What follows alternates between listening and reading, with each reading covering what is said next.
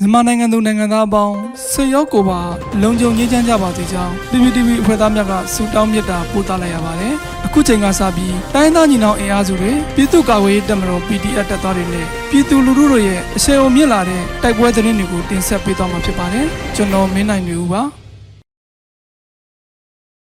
ပထမဦးစွာကော့ကရိတ်မှာမဟာမိတ်ပူးပေါင်းဖွဲ့နဲ့စက္ကစတွေတိုက်ပွဲပြင်းထန်နေတဲ့တဲ့တင်တင်ဆက်ပါမယ်။ ကရင်ပြည်နယ်ကော့ကရိတ်မှာဒီကနေ့အောက်တိုဘာလ22ရက်မနက်ပိုင်းမြို့ရင်းတိုက်ပွဲတွေဖြစ်ပွားနေတယ်လို့ဒေသခံတွေကဆိုပါတယ်။လက်ရှိအချိန်မှာစစ်ကောင်စီကမြို့ရင်းကိုလက်နက်ကြီးတွေနဲ့ပစ်ခတ်နေပြီးပြည်သူထိခိုက်ဒေဆုံးမှုရှိတယ်လို့သိရပါတယ်။ကော့ကရိတ်မြို့ပေါ်ကိုတိုက်လျင်တွေဝဲနေပြီး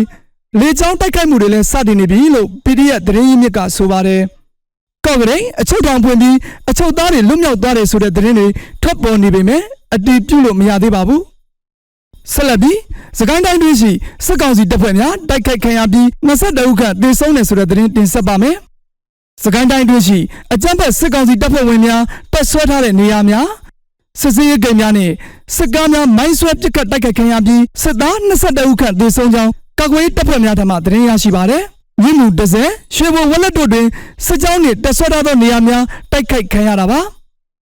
နောက်ဆုံးအနေနဲ့မြိုင်လင်းကြောရာရက်စကန်ကို PDF များကတိုက်ခိုက်တဲ့သတင်းတင်ဆက်မှာပါ။မကွေးတိုင်းမြိုင်မြို့နယ်လင်းကြောရာရက်စကန်ကိုကာကွယ်ရေးတပ်ဖွဲ့ဝင်များယနေ့နေ့ပိုင်းတွင်ပြစ်ခတ်တိုက်ခိုက်ခဲ့ကြောင်းသိရှိရပါတယ်။အော်တိုဘာလ22ရက်နေ့နေ့နေ့ပိုင်းတွင်မြိုင်မြို့နယ်အရှေ့မြောက်ပိုင်းရှိလင်းကလောကျွရရဲစခန်းကိုဒေသကာကွယ်ရေးတပ်ဖွဲ့များကတွားရောက်ပစ်ခတ်တိုက်ခိုက်ခဲ့တာပါထိတွေ့တိုက်ပွဲဖြစ်ပွားပြီးနောက်မွန်းလွဲ3နာရီခန့်တွင်အကြမ်းဖက်စစ်တပ်က